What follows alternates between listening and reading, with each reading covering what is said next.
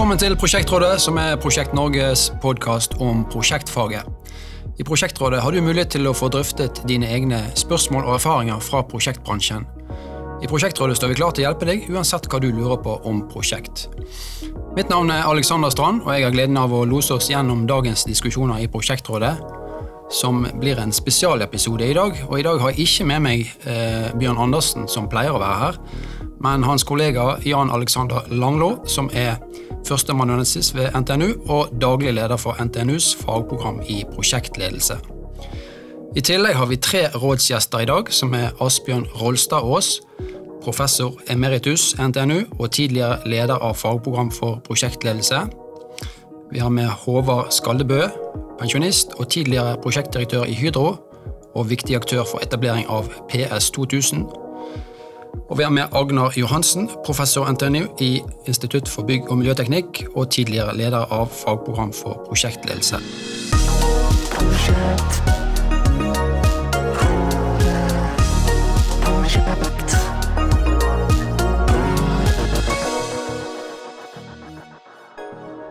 Velkommen til Prosjektrådet, alle sammen. Takk, takk. Takk, takk. Denne episoden er en spesialepisode og skal handle om historien til fagprogrammet i prosjektledelse ved NTNU, som nå faktisk fyller hele 40 år.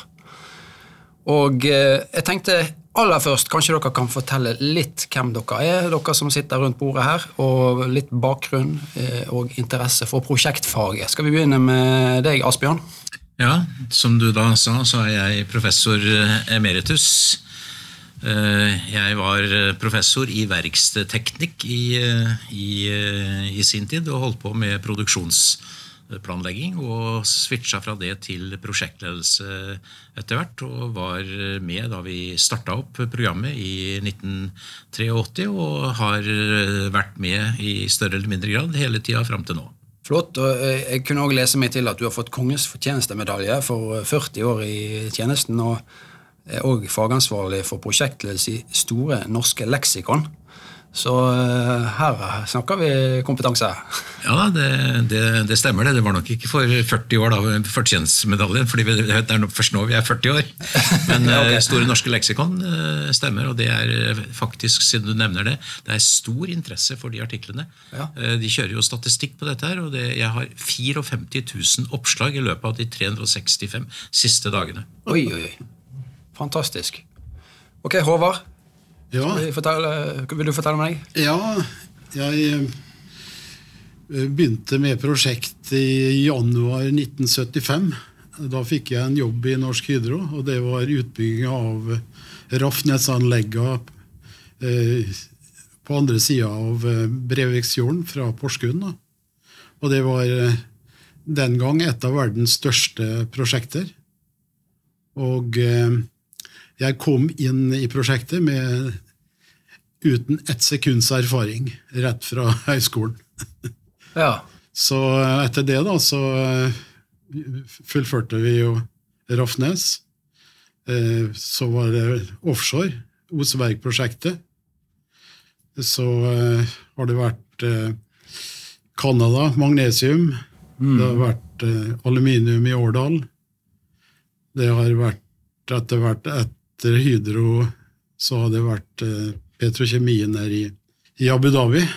Og jeg har også vært med og gitt input til eh, det kvalitetssikringssystemet til, til staten. Altså statens prosjektmodell. Ja, Spennende. Det, vi skal høre mer om uh, alt sammen. Uh, vi må høre fra de andre. Agnar, vil du si litt hvem er du? Ja, uh, Min inngang var litt seinere enn disse herrene her, som dere skjønner. Jeg starta egentlig med prosjektfaget på 80-tallet, hvor det å jobbe på skipsverft, som på en måte ingen omtalte som prosjekt, men uh, man tross alt dreiv faktisk med ganske mye logistikk og planlegging og styring.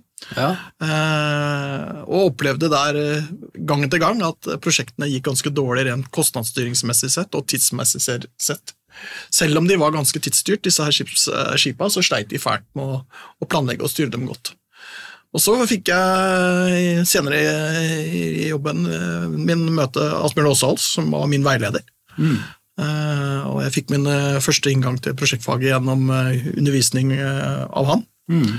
Og fikk da også min første jobb etter at jeg var ferdig med masterutdanningen min som koordinator i et etterutdanningsprogram innenfor prosjektledelse, som er dette programmet som vi har her.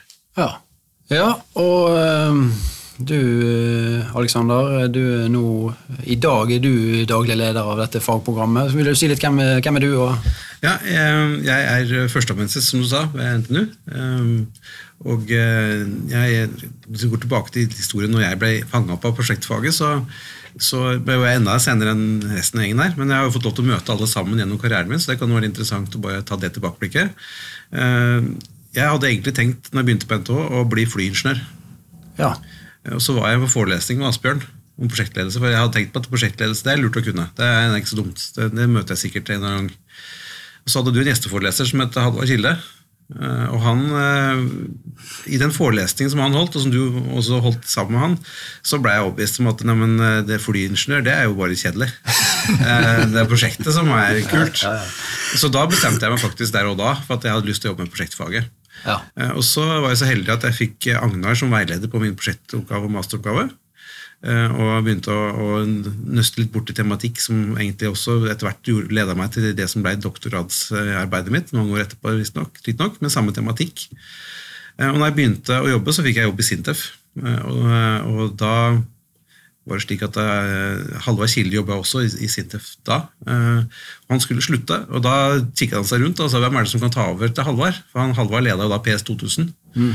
Uh, og da pekte de på meg. Jeg var jo helt nybakt uh, sivilingeniør. Det måtte jo gå bra. um, og det fikk jeg lov til å jobbe sammen med Halvard i de to årene som var. da, og fikk være med å avslutte PS 2000. Da møtte jeg jo Håvard og alle andre her også, så det måtte min introduksjon til fagmiljøet å være med der. Så har jeg vært med egentlig hele veien oppover. Ja. Uh, og det at jeg fikk komme inn i fagprogrammet, og sånt, det er egentlig på slutten, så jeg er motsatt vei av resten av gjengen. Jeg endte opp med fagprogrammet etter å ha vært med på alt det andre. Ja, ja, ja. Ja, nå har vi jo akkurat uh, avsluttet dagens feiring, kan vi si. 40-årsjubileum for fagprogrammet for prosjektledelse. Og det var en veldig flott dag. Men skal vi ta oss litt tilbake? Hvordan startet dette her for 40 år siden? Det er du, Asbjørn, som er initiativtaker til hele fagprogrammet? Du kan vel kanskje si det, fordi at jeg var med på en studie som gransket alle Nordsjø-prosjektene i 1979-80. Ja. Da var det stor politisk oppmerksomhet eh, rundt og alle de store overskridelsene i, i Nordsjøen. Og det var et utvalg som var ledet av eh, Johannes Moe, som fremla en rapport på 800 sider, som da reiste flengende kritikk av hvordan disse prosjektene var eh, styrt. Og da tenkte jeg at dette må det gjøres noe med. Her er det muligheter. Og samtidig så våknet jo da oljeselskapene, spesielt da Norsk Hydro og, og Statoil, som da følte at de ville ikke komme i den situasjonen at de skulle ha denne type offentlig kritikk på seg, så de satset jo da store ressurser på å bygge opp fagkompetanse eh, internt. De kom også til eh, daværende NTH og slo i bordet og sa at vi trenger ingeniører med kompetanse innenfor prosjektfaget. Mm. Og eh, det jeg gjorde etter den studien, var at jeg da utvikla et eh, fag på NTH, ordinært eh, fag, som da var valgfritt, som het prosjektstyring. Mm. Det ble veldig populært. Hadde 220 studenter i auditoriet rundt det. Og så tenkte jeg at kanskje dette kan være grunnlag for også da etter- og videreutdanning. Så jeg eh, laget planer for et eh, etter- og videreutdanningskurs i, i, prosjektstyring. Så tenkte jeg at men dette fagområdet er mye videre. Så skrev jeg et brev til daværende studiesjef på NTH, Kjell Karlsen, og sa at uh, kanskje det er grunnlag for en bredere satsing. At vi burde få med oss flere fagmiljøer og virkelig bredde ut uh, prosjektfaget på, på NTH. Og Studiesjefen tente på alle pluggene, og da var det i gang. Han satte sin eh, medarbeider Tore Jørgensen på å utforme en struktur for et eh, sånt eh, program. Han hadde gode kontakter i industrien, så han fikk da lokka Norsk Hydro og Statoil inn til å finansiere dette her i en femårsperiode. og Da fikk vi midler til å bygge opp fagkompetansen på NTH. Vi sendte folk på friår for å lære prosjekt. Vi fikk doktorgradsstipendiater, de første doktorgradene eh, kom, og vi fikk midler til å utvikle kurs, og det er egentlig starten. Der, eh, der eh, tok det av. Var, var det den gang tenkt at det skulle være et program som varte i 40 år og mer, eller var det Nei. tenkt fem år, eller? Det, det er en av de mest behagelige overraskelsene jeg har fått. Det er at dette lever videre. Ja. Og som da en veteran i det her, så må jeg jo få si at jeg er ekstremt glad for at eh, andre har tatt opp arven, og at dette føres eh, videre. Så jeg tror at dette programmet er mye mer livskriftig i dag, dag enn det var for 40 år siden. Ja. Ja, det lever jo absolutt videre i beste velgående, vil jeg si. Og vi så på, på dagens arrangement, så var det fullt hus her, og mye folk fra både akademia og fra, fra profesjonene der ute, eh, med både offentlige og private aktører. Ja, skal vi Altså, etter dette første eh, initiativet, da. Eh, hva var det som, som gjorde at eh, her ser vi at dette er noe å, å bygge videre på? Det var vel i og for seg at det at det, det, det traff et marked. altså Det var interesse for dette. her. Det var jo eh, overtegnet, det var ventelister på å få lov til å være med på en del av, eh, Ja. av disse eh, kursene. altså Når de store oljeselskapene gikk ut og krevde prosjektkompetanse, så så jo hele leverandørindustrien at eh, her må vi jo se og brøsje oss opp. Så det var jo det, masse vind i seilene eh, rundt dette her. Og vi fikk jo ulike vi, ting. Vi laga en egen såkalt spesialutdanning, for vi fikk jo lov til å kalle det mastergradsutdanning. vi starta veldig tidlig med videokurs og litt forskjellige sånne ting.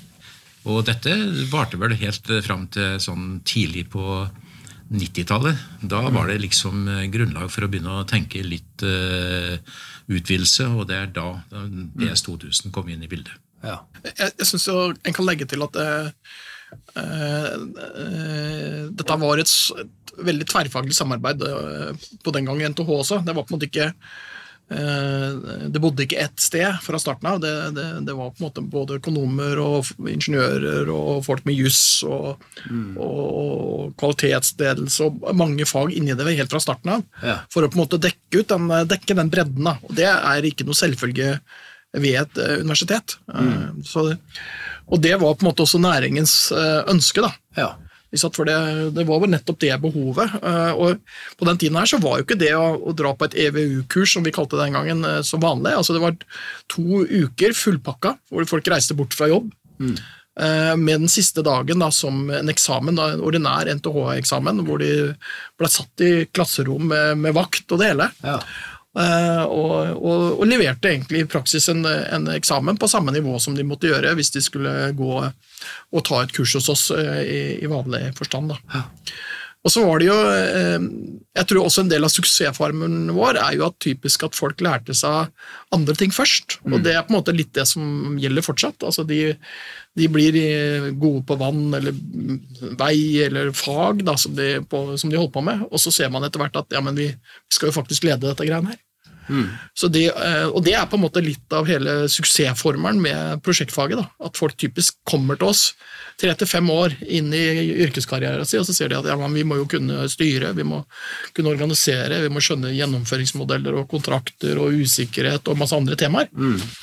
Og det kommer de på en måte til en liten sånn erkjennelse av etter hvert som de har jobba litt sånn mer eller mindre strukturert på det, og sett at ikke det er så lett. da. Og det, det er veldig mange av de som selv i dag kommer til oss, som, som selv om de har hatt det på skolen i sin tid, de trenger den påfyllet da, litt ut i karrieren sin. Ja. Så den, den typiske liksom, personen som kommer til oss, er det er like mye menn som kvinner eh, i dag. Men de har typisk jobba tre til fem år, og de er typisk betalt av arbeidsgiveren, som Ja. kommer og sier dette må du, dette må du eh, ta med deg og, og utvikle deg på kompetansemessig. Da oppfatta jeg det sånn at det var på en måte olje, energi, gass som var eh, på en måte driveren for å få i gang dette her? Men, men du sier at det var eh, liksom tverrfaglig? Ja, altså det, det er jo riktig at det var olje og gass det starta i, og så hadde man jo prosjekter i andre næringer. Mm. andre, men IT og bygg og den type ting har jo kommet inn og blitt en helt naturlig del av prosjektfamilien. da. Ja. Eh, og det har man bygd sånn sten på sten. eh, og, og, og det Eh, I dag så er det på en måte en prosjektifisering. Eh, Det, er overalt. Bitte små ting og kjempestore ting ja, styres og ledes som, som prosjekter. Og jeg, når jeg holder innlegg om det i dag, så sier jeg at det er ingen av mine studenter som kommer til å gå ut der og ikke møte et prosjekt. Det er nærmest umulig for dem. Men ganske tidlig så var det ganske variert uh, deltakerbakgrunn for de som kom på kurs.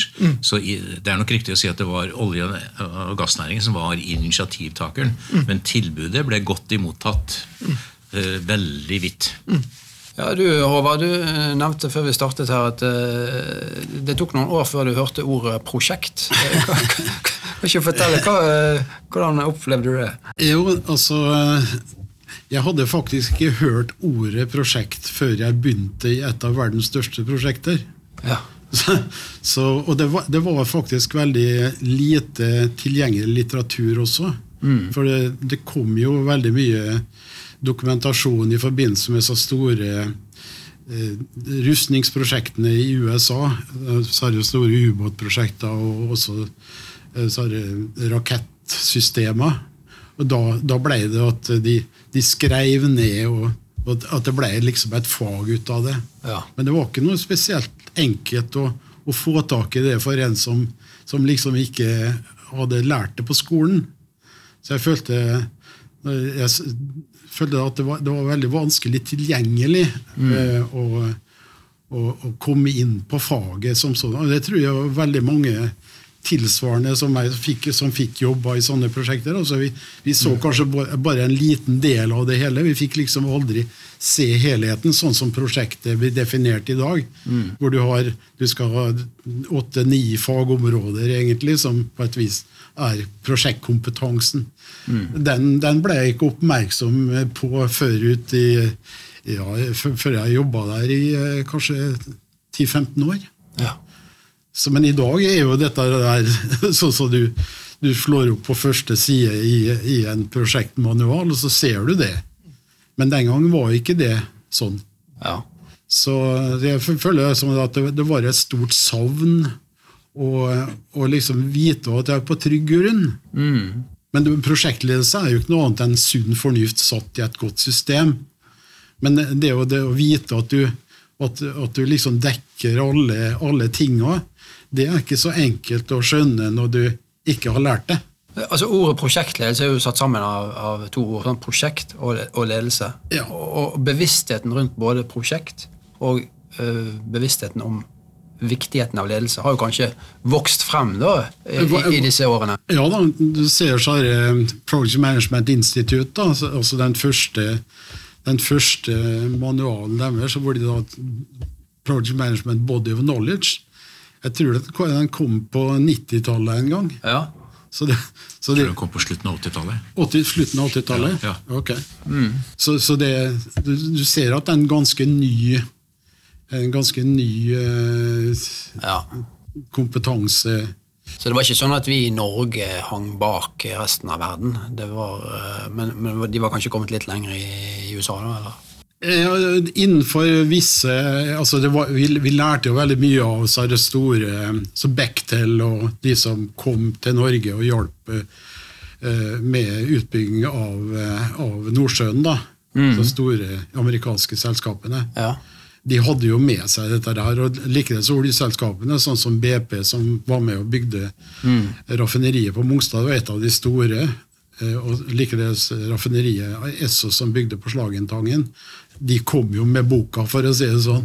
Men det var jo bare, noen, var jo bare de som var i det prosjektet, som fikk, fikk del i det. da. ja. Så etterpå, og da kom jo høyskolen inn og kunne liksom spre budskapet til mye større eh, Altså mye videre enn at det, at det ble liksom bare rundt de store selskapene. Så det, det har jo vært en fantastisk sak, syns jeg. Ja. Liksom det å spre budskapet i, i nasjonen. Der syns jeg man har lykkes veldig godt. altså. Absolutt. Det er jo et samspill Ja. mellom, eh, mellom de, som, eh, de, de som gjør jobben, og de som skal hva skal vi si, få det ut igjen til, til studentene, og for så vidt også andre som ikke har, har eh, fått tatt studiet mens de gikk på høyskolen, f.eks. Ja. Men vi har jo alltid hatt veldig godt eh, samarbeid mellom akademia og næringsliv i Norge. Og det føler jo jeg på min side har vært et eh, voldsomt konkurransefortrinn for oss internasjonalt. Ja. På, på forskningssiden, for vi har hatt tilgang til problemstillinger, tilgang til industri. Og samtidig så tror jeg at det har vært ganske nyttig for industrien, for de har fått et teoretisk rammeverk å forholde seg til. Absolutt. Ja, for, for det å skrive ned liksom, hvordan gjør vi det, og, og reflektere over eh, den praksisen, praksisen vi skal gjøre i prosjektene, eh, det er jo kanskje det som er som en, av eh, bærebjelkene i hele programmet her. sant? Å formidle det videre. Ja. Ja. Og så var det også, Tidligere så var det gjerne det at prosjektet var noe som man gjorde i bygg og anlegg og industri. Ja. Og så kom vi jo med, med Prosjekt 2000, da, som, som på et vis var neste omdreining på, på skruen. Det å få det ut i, i bankvirksomhet og, og liksom ut i samfunnet mer generelt. Så det var jo, Ja. Det var jo en fantastisk sak, syns jeg. Ja, det må, vi, det må vi snakke litt om. Altså, Prosjekt 2000, eller PS 2000, er det det samme? Ja. ja så uh, Fortell litt om det. Hvordan, hva, hva er det, og, og hvordan startet det? Nei, altså PS 2000 det var egentlig altså, Jeg fikk en Jeg hadde vært ute i prosjektet i, liksom, fra 75 til eh, 93. Og så var det snakk om at Håvard, nå må du komme tilbake til basis. Og så da skulle jeg inn og ta estimering. Og så, så sa jeg til meg sjøl at eh, da trenger jeg en doktor Ring i år 2000. Og så eh, hadde vi jo brukt uh, eh, kassettene til en Asbjørn. eh, over, altså, de, sånne eh, forelesninger han holdt. Så vi satt og sp- spolte frem og tilbake. Og, Og jeg på video? video, og Ja, ja. hadde internopplæring på kvelden Ja, ja. i Hydro. ja. At, eh, og da, i og med at jeg kjente Asbjørn, så tok jeg kontakt og sa at eh, jeg skal ha en doktorring i 2000, kan du hjelpe meg med det? Og så Han så jo dette mye større enn det jeg gjorde. da. Ja. Så i løpet av den telefonsamtalen så ble det jo PS 2000. ja. Og, og det ble 11 doktorgrader. ja, det.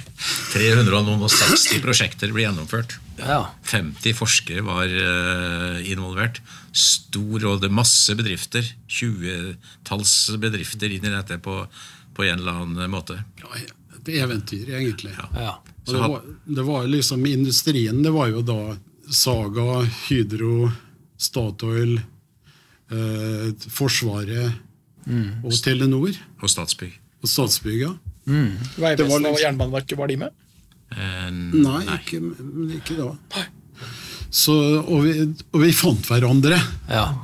Så det var et eh, program som gikk ved siden av eh, fagprogrammet, sant? Ja. Ja. Ja. Og, og, Men det var jo veldig tett integrert i det. så Vi hadde jo Ja. en prosjektleder for dette her som het eh, Halvard Kilde, som da gjorde en fantastisk jobb. og Han og Agda Johansen var jo da på det tidspunktet da koordinator for programmet. og Han kan sikkert fortelle at de jobba, jobba i tospann. Ja, vi var veldig sånn knoll og tott, og hele ideen var jo at forskningen skulle eh, gå videre over i, i undervisning og etter- og videreutdanning. Og Det er på en måte litt eh, nøkkelen da, i, når man skal drive forskningsbasert undervisning også, at eh, man har tilgang på praktiske, gode problemstillinger som næringen eide. Så det var masse små og store prosjekter eh, i, i sammen med næringen som var veldig sånn praksisorienterte, men i tillegg var det litt langhåra av, av, av ph.d.-ene våre. Og det samspillet der var på en måte litt unikt i Europa. Det var ingen andre som hadde noe sånt. Det var ingen andre som hadde sånne, sånne type forskningsprogram, spesielt på temaet prosjektledelse. Og det er faktisk fortsatt litt unikt i Europa. Så det er, det er mye forskning som skjer, men det blir veldig ofte på enkelttemaer. Er liksom enten kontrakt eller usikkerhet. Eller, Ja. ikke sant? Men det at du hadde den bredden, det var på en måte en veldig stor styrke, og, og litt sånn som jeg sier, litt uh, nybrotts- og, og nytenkende. Da. Og også der var det eh, Det var ikke bare forskere fra NTNU og den gang NTH da, som var med, men det var bredda ut fra starten der også.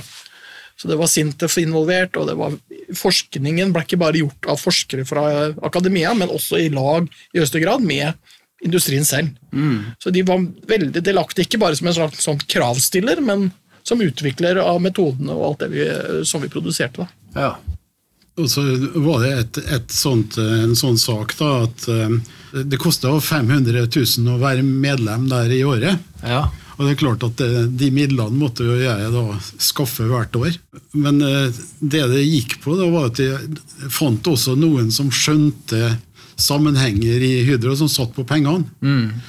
Og det, det som vi sa til oss sjøl, var jo at Hydro blir aldri bedre enn samfunnet rundt. Ja. Så, så det at vi, hvis vi investerer i samfunnet, så vil vi få tilbake det mange ganger. ja. Og sånn ble det. Og så det, dere fikk verdi ut av dette?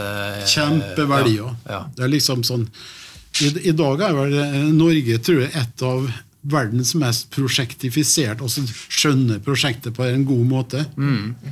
Så, så det er klart at eh, når, du, når du, stort sett alt det du driver på med, er, går i prosjektsammenheng, Ja. så er det klart at verdiskapinga som skjer gjennom, gjennom prosjekter, er jo helt fantastisk. Ja, Det er jo en ganske stor andel av, av hele bruttonasjonalprodukt som, som skjer i, i, gjennom prosjekt. Ja, og så er det jo når du du kjører et prosjekt for å få et resultat, altså Ja. et bygg eller en fabrikk, eller noe, og, så liksom, og det lever kanskje 30 år eller 50 år, og, og skaper verdier etterpå. Så liksom bare tenke på Ja. hvilken verdiskaping det er. Ja. Så, så jeg syns det liksom, Nå er jeg 75 år, og jeg syns at eh, det å, det å få vært med på noe sånt, det syns jeg er det største som har skjedd i mitt Ja. liv. Altså. Rett og slett. ja, fantastisk. Men eh, PS 2000 det eksisterer ikke lenger. Men det, det var kanskje forgjengeren til det som heter Prosjekt Norge nå? Ideen var jo at det skulle, Et av, et av måla var jo at det skulle ende opp med et permanent eh, et senter. Ja. Eh, Og det ble det. Og det blei da oppretta akkurat i årsskiftet, når vi hadde overgangen til til 2000. Og, og da var det jo liksom Prosjekt Norge og Norsk senter for prosjektledelse. Det har jo vært to navn Ja, som, som har vært over den eh, NSP, ja. Ja. Så, eh, så det startet der, ja. og, og, og, og blei videreført i en eh, vital organisasjon som har fortsatt med, med forskninga. Mm. I den samme perioden rundt år 2000-skiftet så blei det jo også eh, oppretta på NTNU det som het Konsept-programmet, som Ja. Håvard var litt inne på. Som også har vært en, en ordentlig bauta i prosjektfaget. Eh, Det starta egentlig som en, en, et utkast til en forskningssøknad, hvor man prøvde å få penger fra Forskningsrådet. Ja. Eh, Som jeg selvfølgelig ikke syntes at eh, forskning på prosjektfaget var noe interessant å finansiere, så de sa nei. Og da gikk Finansdepartementet inn og, og sa at dette vil vi støtte, for dette her er så viktig for kongeriket Norge at vi vil faktisk opprette et eget kapittel i statsbudsjettet for forskning på prosjektfaget. Og det er vi også ett av få eh, land i verden som har, og det har vært en, eh, en ordentlig stor ting. Ikke bare har det vært et vitalt forskningsprogram der, men det har vært et opplegg for kvalitetssikring av de store prosjektene, som Håvard var inne på. Eh, Det er utdannet en, en skog av også der ph.d.-er, og det har vært altså Hvis en går inn på det, så er det en 70-talls eh, tunge forskningsrapporter og en masse annet arbeid som er gjort over eh, 20 år nå også i dette konseptprogrammet, mm. som lever fortsatt i, i beste velgående. Også det satt sammen sånn at det er forskning på tvers. Altså Forskningsgruppa kommer ikke fra ett lite miljø, den kommer på tvers fra eh, flere universiteter, flere forskningsmiljøer og i lag på problemstillinger med næringa. Ja. Og så er det også sånn at det er veldig mange nasjoner faktisk som har tatt kontakt med Norge og det konseptprogrammet for å eh, få til et sånt opplegg i sine nasjoner også. Ja. Og eh, jeg vet at Kina blant annet Ja. har eh, også adoptert eh, litt av tenkinga. Ser du det, ja? Ja, Look to. Norway. Look to Norway. Ja. Ja. Canada har gjort, gjort det samme. UK har vært borte og sett på oss. Og, ja, så det er mange som syns dette her er og, det er jo det at vi har en sånn en, en, Dette her det er en, en litt sånn utenforskap. Det er ikke prosjekta sjøl på dette KS-regimet som bestemmer hvem som skal gjøre hva. den er, de, de blir kvalitetssikret på vegne av Finansdepartementet. Eh, og det gjør jo at de har en uavhengighet. Uh, så det er en hel rekke veldig dyktige og kompetente uh, personer fra konsulentbransjen og fra akademia som har hatt rollen som sånne kvalitetssikrere Ja. over en, en årrekke. da. Eh, og det gjør jo at en del av disse store megaprosjektene våre har bedre historier enn mange andre. Altså vi treffer bedre. eh, Vi har mindre kostnadsoverskridelse enn de fleste andre, og så kan man si det kommer med en price, altså. For de er ikke blitt billigere nødvendigvis i sum, men, eh, men vi gjør bedre prosjektstyring enn de aller, aller fleste. Kanskje riktigere budsjettering i tidlig fase? Ja, I den grad det går an, for det er jo veldig mye som er usikkert. da. Ja, det gjør det. Det, er- så, så en annen ting da, er jo det at eh, også det politiske nivået har også skjønt at, eh, at du må ha kvalitetssikring, du må ha ditten, Ja. du må ha datten. Du må liksom følge boka. Mm. Det, det snakker politikerne om nå. Ja. Og det er, eh, det er eh, liksom fortjenesten til konseptprogrammet. Absolutt. Ja, Og de store byene som Oslo, Bergen og Stavanger har innført det samme regimet på sine egne bygg. Ja. Og, og så har vi hatt en, en tilsvarende akse på, på olje og gass. altså Den, den ble jo aldri en del av det KS-regimet, men, men der har det også vært i veldig sterke gjennomganger i forbindelse med hvordan man skulle, når man skulle ha plan for utvikling og drift som skulle godkjennes.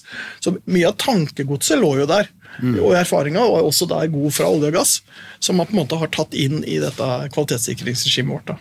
Men det er da en professor på Oxford som heter Bent Flyberg, som er dansk og som tok doktorgrad på å se på offentlige prosjekter i Danmark. Og Han kom med det fine postulatet at omtrent alle offentlige prosjekter de er bevisst underbudsjettert for å få det gjennom eh, byråkratiet. Og du kan si at eh, KS-regimet tar livet av den type prosjekter. Ja, Da blir det ikke noe prosjekt, da. Men det er kanskje like greit, for da har de kanskje ikke livets rett. Da. Altså, ideen med det KS-regimet er jo todelt. Den ene er jo, den første delen handler jo om å velge riktig konsept. Eh, og, og det er mye rundt det, og kvalitetssikre at de har tenkt langt nok, at de har utreda alle alternativene og sett, ikke bare løpt på den første, første løsningen som noen har forelska seg i. Og så er det den andre, andre delen av regimet, at når det kommer og skal få bevilgning, at man har eh, tenkt godt igjennom hvordan de skal planlegges, hvordan usikkerhet er håndtert, at man har en, en gjennomføringsstrategi og en kontraktstrategi på plass. At det fins planer, at de kan dokumentere at de har tenkt aktivitetsstrukturer og tidsplaner med mer. Og, og KS-rådgiveren går jo gjennom dette her da, og ser etter at det holder kvalitet. Og stiller de grunnleggende spørsmåla som de må kunne svare på for å få lov å gå videre. Og, og gir da et råd. Så hvis de sier at nei, dette her er ikke godt nok, så må de hjem og jobbe på kammerset før de får lov å gå videre. Ja. Og det gjør en, at de, de må opp til en liten eksamen. da. Eh, Og Den type tenkning er jo også i Hydrosys eh, liksom sånn captive value process-tenkning. altså At de skal opp til eksamen til et råd og sjekke at de har tenkt gjennom eh, og Fordi at det er en stor investering som skal skape verdi for de neste 40 åra. Mm, og så er det jo også kanskje en erkjennelse av at vi trenger ikke gjøre alt sjøl, eller eh, styre alt sjøl. Det er greit å få noen andre til å se på saken òg, og, og få en kvalitetssikring, og kanskje til og med eh, få mer verdi inn i prosjektet, eh, sånn at vi er trygge på gjennomføringen. Det, det er nok også en del av dette man eh, Når vi begynner på prosjekt, så er vi jo litt sånn prosjektforelska. Ja. Vi syns jo prosjektet vårt etter hvert blir interessant, så det å få litt motstand på om vi har tenkt alle tanker, er nok eh, både fornuftig og lurt. da. Ja. Ja, jeg har jo jobbet en del år i, i Statsbygg og ble jo kjent med konseptprogrammet og disse veilederne fra, fra Concept og Finansdepartementet. Så det, jeg syns det var veldig bra opplegg som er, som er laget der.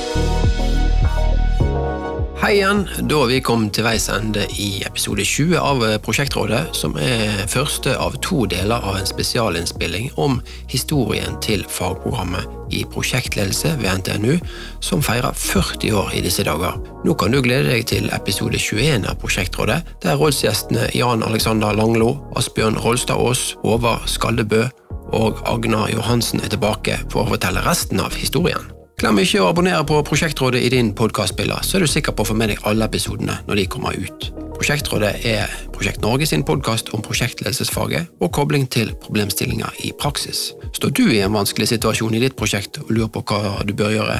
Har du et prosjektdilemma som du ønsker innspill på fra andre? Har du kanskje en vanskelig ledelses- eller samarbeidssituasjon i prosjektet ditt? Eller har du erfaringer fra situasjoner som du kanskje tenker kunne vært løst bedre, eller kanskje gode erfaringer fra et prosjekt der alt gikk på skinner?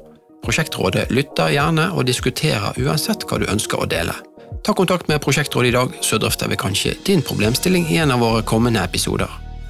Send oss da dine spørsmål og tema på post krøllalfa prosjektnorge.no. Og lytt også gjerne til vår søsterpodkast Prosjekteffektpodden, som du finner på prosjekteffekt.no, eller der du liker å høre podkast.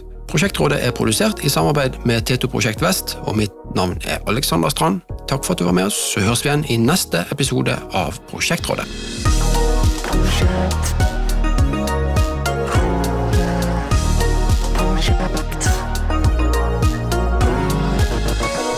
Så i løpet av den telefonsamtalen så ble det jo PS 2000.